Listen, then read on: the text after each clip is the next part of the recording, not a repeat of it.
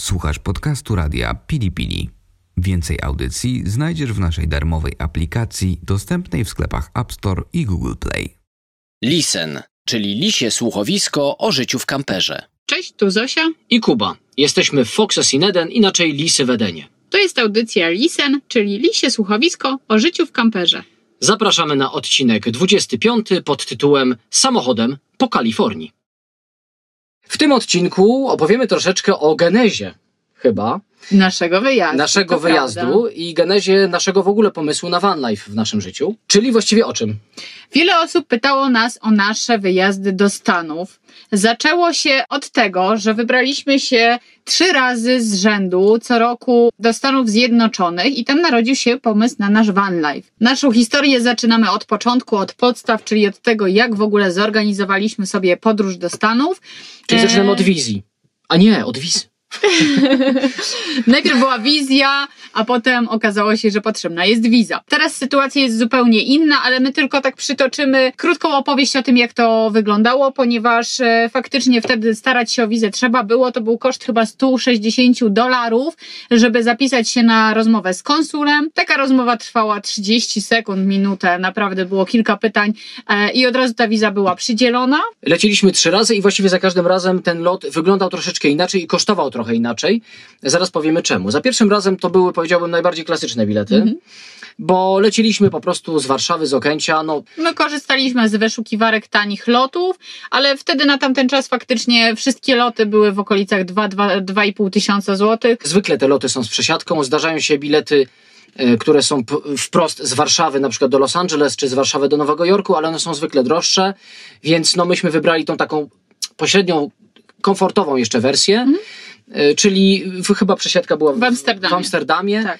I z Amsterdamu lecieliśmy do Los Angeles. Lot trwał około 8 godzin. Z tego Amsterdamu jeszcze trzeba dolecieć do Amsterdamu. No mniej więcej 13 godzin trwało całość. No, coś takiego. Za drugim razem natomiast trafiły się nam bilety, czy właściwie szukaliśmy tanich biletów również i trafiliśmy na tanie linie lotnicze, jedyne, które ówcześnie latały między kontynentami za mniejsze pieniądze. Lecieliśmy wtedy, i to był tutaj duży minus, z Berlina do Reykjaviku i z Reykjaviku do, zdaje się wtedy, Miami. Tak. No i to faktycznie było dość upierdliwe, ponieważ e, lot był z Berlina, do Berlina trzeba było się dostać. Szukaliśmy lotów Warszawa-Berlin, ale niestety no, to były zbyt drogie jak na wtedy loty, więc zdecydowaliśmy się na autobus. Ta jazda autobusem trwała bodajże 10 godzin. Warszawa-Berlin e, i faktycznie cała podróż, później Berlin, jeszcze Miami trwała ponad 20 godzin. No więc y, bilety lotnicze kosztowały nas około 1500-1600 zł.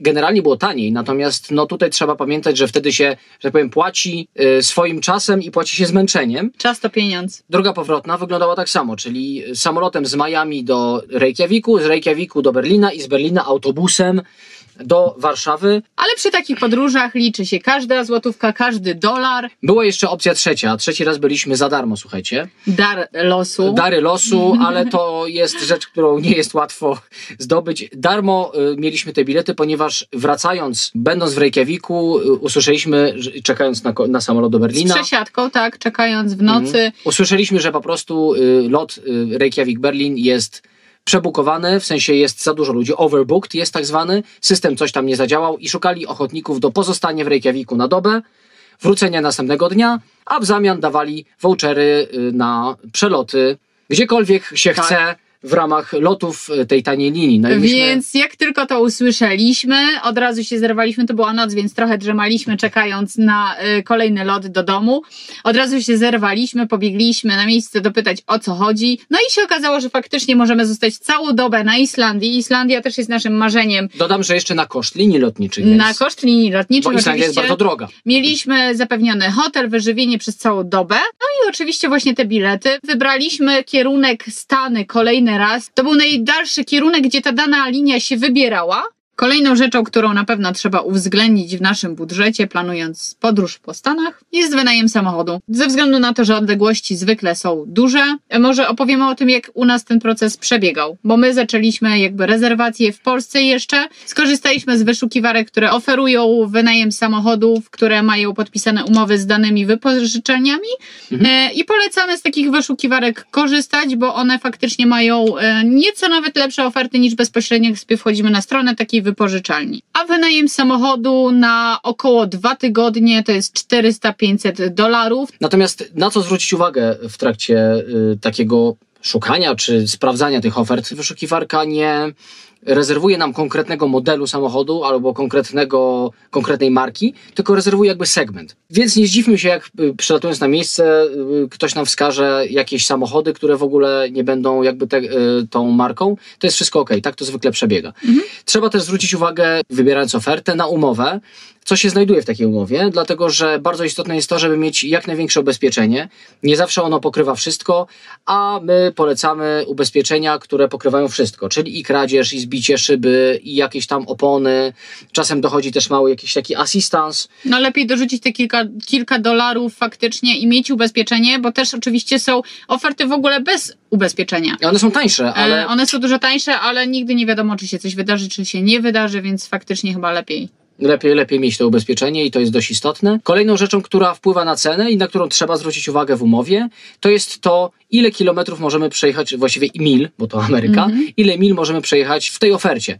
My polecamy unlimited mileage, czyli bo, tak. nieograniczoną odległość, bo wtedy jakby nikt nas nie rozlicza z niczego po przyjeździe, jeżeli chodzi o przejechane kilometry i możemy jeździć sobie gdzie chcemy. Chyba, że ktoś na przykład wypożycza samochód i chce sobie pojeździć, nie wiem, w okolicach miasta jakiegoś, nie wiem, Nowego Jorku, ma tam znajomych i będzie tylko sobie robił krótkie wypady, to być może mu się to opłaci. Natomiast w przypadku road tripu, no polecamy nieograniczoną ilość przejechanych mil. I trzecią rzeczą, która jest istotna i bardzo wpływa na cenę, to jest miejsce wypożyczenia i oddania takiego samochodu. Można samochód wypożyczyć i nawet mieliśmy taki trochę plan, żeby wypożyczyć go w jednym mieście, oddać go w innym mieście i stamtąd sobie wrócić. Wtedy można na przykład przejechać całe Stany na wskroś, nie robić pętli. Nie robić pętli. Właśnie. Ta pętla nie zawsze jakby ma sens. Natomiast y, problem jest taki, że wtedy opłata za samochód bardzo wzrasta. Najlepiej oczywiście wziąć w tym samym miejscu i oddać w tym samym miejscu. To zależy zupełnie od odległości. Jeżeli to będzie miasto obok, to nie jest tak dramatycznie. Natomiast jak to będzie Nowy Jork i Los Angeles, to ta opłata jest naprawdę duża, to jest często dwa razy więcej ich to zaczyna się chyba nie opłacać, więc... No my e, dlatego tak naprawdę za każdym razem robiliśmy takie lupy, mhm. czyli i wypożyczenie i oddanie samochodu było w tym samym miejscu, w tym samym miejscu mieliśmy i przylot i odlot. Ja bym jeszcze zwróciła uwagę, jeśli chodzi o czytanie umowy i o wypożyczenie samochodu, ponieważ to też często jest zapisane, mhm. że e, określona suma, za którą wynajmujemy ten samochód, jest tylko i wyłącznie dla jednego kierowcy. Jeżeli chcemy, żeby było dwóch, trzech, więcej kierowców, to za każdego kolejnego musimy dopłacić. Wtedy jeszcze jak my rezerwowaliśmy, takie wypożyczenie mogło się odbyć dopiero od 25 roku życia. Młodszy kierowca e, niestety nie miał dopuszczalnego tego wynajmu. I tutaj jeszcze też o prawo jazdy międzynarodowym mhm. myślę, że trzeba powiedzieć, my wtedy faktycznie musieliśmy mieć międzynarodowe prawo jazdy. Teraz wyczytałam, że to już nie jest obowiązek, więc też trzeba to sobie sprawdzić. I my się zdecydowaliśmy na samochód typu SUV z tego względu, że postanowiliśmy, że będziemy w nim mieszkać, będziemy w nim spać. Złożyliśmy tylne kanapy, położyliśmy na ich miejsce e, materac, wymiary tego materaca 1,90 m na 90 Zdecydowaliśmy się, że nie będziemy za bardzo korzystać z moteli czy z kempingów, jeśli chodzi o noclegi na przykład pod namiotem. Tak wyglądały nasze mhm. dwa pierwsze wyjazdy. Trzeci wyjazd trochę bardziej sobie poluzowaliśmy, ponieważ spaliśmy w namiocie. Jeżeli ktoś chciałby zwiedzać Stany na przykład nocując w motelach, no to wtedy wiadomo, że lepiej jest wziąć samochód osobowy, bo one są po prostu najtańsze i najmniej palą. W Stanach i tak nie można poszaleć, bo jest ograniczenie do 65 mil w większości miejsc. Czasem bywa to więcej, ale to są autostrady, tam jest 80 mil. I jeszcze są dodatkowe rzeczy, na przykład opłaty za autostrady. W przypadku, kiedy byliśmy w Kalifornii, to nie było takie istotne i nie było w ogóle tematu. Natomiast w, na przykład w, na Florydzie autostrady właściwie są nieuniknione można próbować się prześlizgiwać gdzieś bokami. Podobno bardzo ciężko. To jest bardzo ciężkie. Myśmy nawet, szczerze tak było chyba, że myśmy nie wzięli tych autostrad w cenie, bo tak, no co, będziemy jeździć sobie spokojnie tu bokami i tak na koniec wjechaliśmy na autostradę i nas skasowało i tak dopłata była e, w czasie, jak ten samochód był oddawany.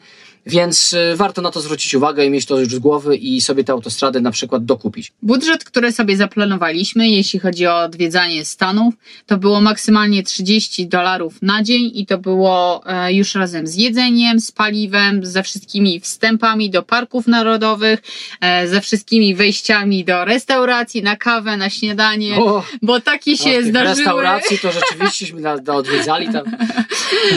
Było ich e, na wyciągnięcie e, trzech palców jednej dłoni. Na, na trzech wyjazdach w sumie. na trzech wyjazdach w sumie.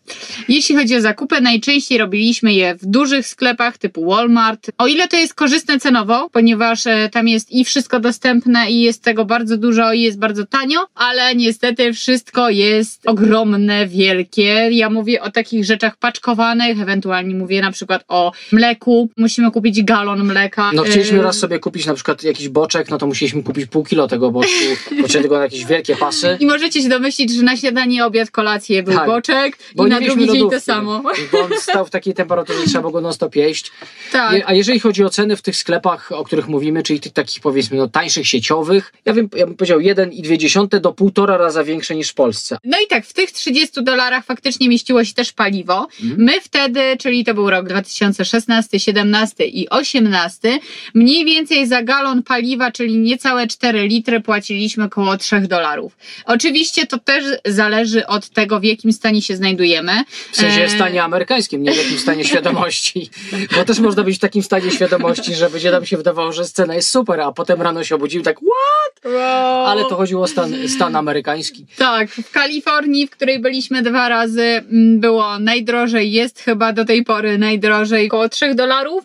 Później jak tylko z Kalifornii wyjeżdżaliśmy, to ta cena nieco spadała. Ja polecam też wyszukiwarkę, mm, która polega na tym, że wyszukujemy wszystkie możliwe stacje benzynowe i tam jest podana każdego dnia cena paliwa benzyny. Nie polecamy tankowania w górach albo na pustyni, ponieważ tam ceny no, są z kosmosu wzięte, powiedziałabym. Chyba najdroższą benzynę, bo benzyna, bo tam zwykle, też trzeba powiedzieć, Mhm. amerykańskie samochody jeżdżą zwykle na benzynę i to bynajmniej nie jest 95. Ta benzyna ma o wiele mniej oktanów. Najdroższa benzyna, jaką spotkaliśmy, była y, w Dolinie Śmierci. Tam po prostu nawet Amerykanin, którego spotkaliśmy na stacji i tankował obok nas, powiedział, że to jest ridiculous, że ta cena jest z kosmosu, 4,5 dolara. Jakbyśmy wjeżdżali w jakieś takie niedostępne rejony, to pamiętajmy o tym, że należy przedtem zatankować. Nie liczmy na to, że tam będzie jakoś bardzo ekonomiczna cena benzyny. nie czekajmy jakby do e, momentu, w którym zapali nam się kontrolka, że nam się benzyna kończy, ponieważ no, w Stanach odległości są ogromne i często te stacje benzynowe są od siebie bardzo mocno oddalone, więc e, lepiej zatankować dużo wcześniej niż w momencie, To kiedy prawda. już e, tutaj kontrolka nam mówi, że zaraz nam się skończy paliwo e, i będziemy musieli łapać stopa, szukać pomocy, ewentualnie Cysterny. cysterny tak? Łapać stopa, cyst- stopa cysterny, żeby nam trochę dolali. I też nie zdziwmy się, jak w Stanach będą nam mówić odległości w, w godzinach. Albo w minutach, dlatego że e, tam są na tyle duże odle- odległości i na tyle nieźle się jeździ po tych autostradach, że właściwie y, bardzo dużo ludzi, jak nie większość, podaje odległość w czasie. Trochę jak lata świetlne, czyli po prostu jakby do, to, stąd dotąd masz na przykład 20 minut, tak? A nie, nie wiem, 15 mil. To też wynika z tego, że wszyscy przestrzegają prawa, jeżeli chodzi o prędkość. Jeżeli jesteśmy już przy rozmowach o benzynie, o tym, jak się jeździ albo jak się nie powinno jeździć, to powiedziałabym o zasadach ruchu. E, Jeżeli chodzi o skrzyżowania, ponieważ my tego na przykład wcześniej nie wiedzieliśmy. Jak wjechaliśmy sobie do Stanów i dojechaliśmy na pierwsze skrzyżowanie, drugie, trzecie, e, to za każdym razem było tak, że na skrzyżowaniu e, zatrzymywaliśmy się i zastanawialiśmy się, kto ma pierwszeństwo, ponieważ nie było żadnych znaków, ponieważ wszyscy się zatrzymywali. Ja stosowałem tą zasadę prawej ręki, czyli jak jest, bo tu mowa o skrzyżowaniach ró- równorzędnych tak. oczywiście, bo jak są światła, no to wiadomo, natomiast jak jest równorzędne, to moim, jakby moją intuicją było to, że osoba z prawej strony ma pierwszeństwo, a okazuje się, że tak nie jest. Tam są zawsze przed skrzyżowaniami równorzędnymi, właściwie w 90% przypadków znaki stopu i pierwszeństwo ma ten, kto pierwszy się zatrzymał. Czyli kto pierwszy, ten lepszy. Takie trochę, powiedziałbym, nawet bardzo amerykańskie podejście, czyli takie sportowe. Mm, e, Osoba, która pierwsza podjechała do skrzyżowania i się zatrzymała przed tym znakiem, ma pierwszeństwo. I to nam zajęło chwilę, żeby się zorientować, ale później, jak już to się zrozumie i wyczuje, to całkiem nieźle działa i rzeczywiście nie widzieliśmy właściwie chyba żadnej stłuczki. I jeszcze jak jesteśmy przy ruchu drogowym, to warto y, poznać taką zasadę, że są takie pasy na autostradzie, czy nie tylko, które mają oznaczenie takiego y, Diamencika. diamenciku, Jak takiego trapezu, tak. I to są pasy, które są dla pojazdów uprzywilejowanych, powiedzmy, a oznacza to tyle, że można tam jechać, jeżeli ma się w samochodzie więcej niż jedną osobę. Bo Amerykanie mają takie przyzwyczajenie, zwykle jedna osoba ma jeden samochód i jakby jadą do pracy, to jadą pojedynczo. To już i nie jest tylko w Ameryce, bo No. ja myślę, że w Polsce takie pasy też by się przydały. też by się przydały. Więc jeżeli jest taki pas i jedziemy więcej niż jedną osobę, zakładamy, że w większości przypadków będziemy podróżowali, nie wiem, czy w grupie, czy w parach, tak jak my, to taki pas jest bardzo przydatny, ponieważ często ominęliśmy nie jeden korek, a jest w ogóle napisane też często, że y, jak się pojedzie tam w pojedynkę, No to są bardzo to wysokie są kary. bardzo duże, duże kary. Tak, mandaty są y, w wysokości kilku tysięcy dolarów. Jeżeli mówimy o budżecie i zwiedzaniu Stanów, to warto też powiedzieć o tym, ile kosztuje wejście do parków narodowych, ponieważ parki narodowe w Stanach są przepiękne, przyroda amerykańska jest super i może tak się nie wydawać niektórym, ale Stany to nie tylko Los Angeles i Nowy Jork, ale przede wszystkim właśnie te parki i przyroda. No to był nasz cel tak naprawdę. To był tak naprawdę tak. Jeden z głównych powodów i celów, e, dla których chcieliśmy odwiedzić Stany. Warto się chyba zaopatrzyć e, w tak zwany annual pass, czyli e, taką kartę, która umożliwia wejście do wszystkich parków narodowych e, przez rok. Mhm. Ona kosztuje 80 dolarów. Wydaje się to niemało, ale jak się sumuje potem pojedyncze wejścia za osobę, jak się jedzie większą ilość osób, jak się sumuje później ilość wejść do tych parków, to się okazuje, że ona się całkiem opłaca, ponieważ taką kartę się wykupuje na samochód. Okazuje się nagle, że jadąc w większej grupie, taka karta jest bardzo tania, a daje właściwie nieograniczoną możliwość wejścia do tych parków. Nam się nawet udało skorzystać z, z tej karty dwukrotnie, To prawda, e, tak. ponieważ jakby rok po roku byliśmy w Stanach i za drugim razem byliśmy, chyba specjalnie nawet wybieraliśmy termin tak, żeby jeszcze załapać się na te parki narodowe, na tamtą kartę, więc tutaj Janusze biznesu trzeba pamiętać, że to są parki narodowe, ponieważ w Stanach są jeszcze parki stanowe na przykład A, i tak, tutaj tak, już tak, e, na tą kartę nie wejdziemy. Ta karta nie obejmuje no, noclegów, kempingów. Kempingi są płatne osobno, to jest zupełnie osobny temat. Tak, to jest tylko zwiedzanie parku. noclegi w parkach narodowych tak naprawdę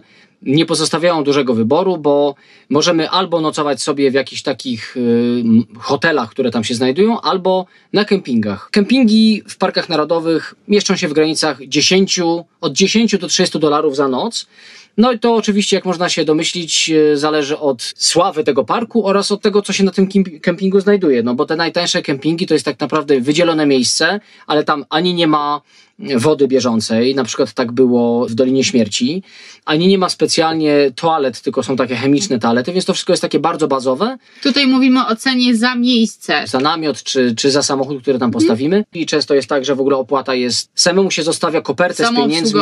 Taka samoobsługowa, dokładnie. Oni mają tam duży stopień zaufania, więc nie trzeba nigdzie latać do jakiegoś okienka, do jakiegoś człowieka, tylko po prostu się wrzuca w takiej kopercie specjalnej Tak. odpowiednią sumę. Sami zapisujemy od kiedy do kiedy jesteśmy, właśnie ile nocy. Numer rejestracyjny E, samochodu chyba tak, też. Czy, czy jesteśmy tylko samochodem, czy jesteśmy też namiotem, od tego też zależy kwota. No Tak. i sobie sami wpisujemy, ile płacimy i wrzucamy. Tam zawsze mieliśmy i miejsce na samochód, miejsce na namiot, zawsze było miejsce na ognisko. Jeżeli to nie była pustynia, to była dostępna też woda, czyli były łazienki, były pralki, oczywiście jeszcze dodatkowo płatne tokenami, ale, ale jakby te kempingi zawsze były e, dobrze zorganizowane. No i bezpieczny przede wszystkim, bo też trzeba pamiętać, że mm, w niektórych miejscach w Stanach występują zwierzęta, których byśmy nie chcieli spotkać, na przykład niedźwiedzie W Yosemite. w Yosemite i tutaj na przykład do wyposażenia takiego miejsca y, kempingowego dochodziła skrzynia stalowa, w której trzeba chować całe jedzenie i wszystkie rzeczy, które pachną. I kosmetyki, brudne nawet rzeczy, nawet skarpety tam trzeba chować i Tak, buty. tak, tak. Bo niedźwiadki wyczuwają te rzeczy i po prostu y, idąc za węchem mogą nam splądrować samochód. Natomiast poza parkami narodowymi, no to opcji mamy noclegowych mnóstwo. No my najczęściej jednak korzystaliśmy z parkingów na dziko. Znaleźliśmy na przykład takie miejsce, które było takim małym parkingiem, taką, taką pętlą, na której parkowali wędkarze. E, którzy przyjeżdżali wieczorem na ryby, w nocy na ryby, nad ranem na ryby i tam policja normalnie jakby akceptowała bycie w samochodzie w nocy. Ale faktycznie, jeśli nie było takich miejsc gdzieś w okolicy, gdzie byliśmy, no to korzystaliśmy, ratowaliśmy się parkingami e, przy Walmarcie na przykład, to, to jest bardzo znana opcja w Stanach, ponieważ tam to, to jest parking prywatny sklepu, nie wyrzucają tak naprawdę ludzi parkujących sobie nocami, albo jakiś McDonald's, e, tego typu rzeczy. Jeżeli jesteśmy w jakimś większym mieście i jest problem z, ze spaniem na dziko, albo jest na przykład niebezpiecznie, to ratowaliśmy się noclegami w motelach. Motele można znaleźć tanie, my nawet, nam się udawało nawet za 20-40 dolarów, więc to też trzeba szukać. Raczej wybieraliśmy te bez śniadania, bez jakichś takich dodatkowych udogodnień. Można też e, spać na prywatnych kempingach, bo tego jeszcze nie powiedzieliśmy, ale one są z założenia droższe i paradoksalnie lepiej jest wtedy chyba szukać motelu. Jeżeli nie spaliśmy właśnie w motelach czy na kempingach, gdzie była woda, toaleta, prysznic, no to mieliśmy realny problem z toaletą, Z higieną. Nie no, nie było aż tak źle. z higieną, ponieważ no faktycznie w subie nie było zamontowanego prysznica ani toalety. No i wtedy ratowaliśmy się e, łazienkami, umywalkami w barach, restauracjach, czy Ale przede w wszystkim, sklepach typu tak. Walmart. Zdarzyło się też e, wykorzystać prysznice plażowe. Prócz spania i mycia się niekiedy na dziko, także gotowaliśmy na dziko. Zaopatrzyliśmy się na miejscu, bo to nie był jakiś, nie był jakiś straszny koszt, taką turystyczną kuchenkę na butli, którą się na tą butlę nakręcało, w garnki, właściwie chyba w jeden garnek, jakieś tam talerzyki i proste sztućce. Akurat gotowanie na zewnątrz, na dziko, jak to mówimy, jest w Stanach bardzo popularne, nie jest to żaden problem. Mm, I można naprawdę fajnych, ciekawych, pięknych miejscach sobie zjeść posiłek. Jedynym minusem takiej sytuacji jest niepogoda. I wtedy akurat e, staraliśmy się ratować klapą bagażnika, która odrobinę nas zasłaniała, ale nie na tyle, żeby faktycznie ten komfort nam podskoczył. No i mieliśmy materac w bagażniku, więc musieliśmy to wszystko e, przesuwać do przodu, robić z sypialni, kuchnię. No to faktycznie kilka razy nam się zdarzyło coś takiego. Nie było to zbyt częste, ale. No Ale jest to zawsze jakieś rozwiązanie. wspomnienie. To tyle, jeśli chodzi o odcinek techniczny. Zachęcamy wszystkich do odkrywania Stanów, nie tylko innych stanów świadomości, tylko Ameryki, do zapuszczenia się na bezdroża, właśnie na własną rękę, bo to jest chyba najfajniejszy, moim zdaniem, sposób na poznawanie tego kraju. Ja mam nadzieję, że jeszcze będziemy mogli Wam opowiedzieć o konkretnych miejscach, które odwiedziliśmy i które nam się wyjątkowo spodobały. A na dzisiaj dziękujemy i do usłyszenia przy kolejnych audycjach. Dzięki, że byliście, cześć. Cześć, cześć! Wysłuchaliście podcastu radia Pili Pili. Więcej audycji znajdziecie w naszej darmowej aplikacji dostępnej w sklepach App Store i Google Play. Do usłyszenia w radiu Pili Pili.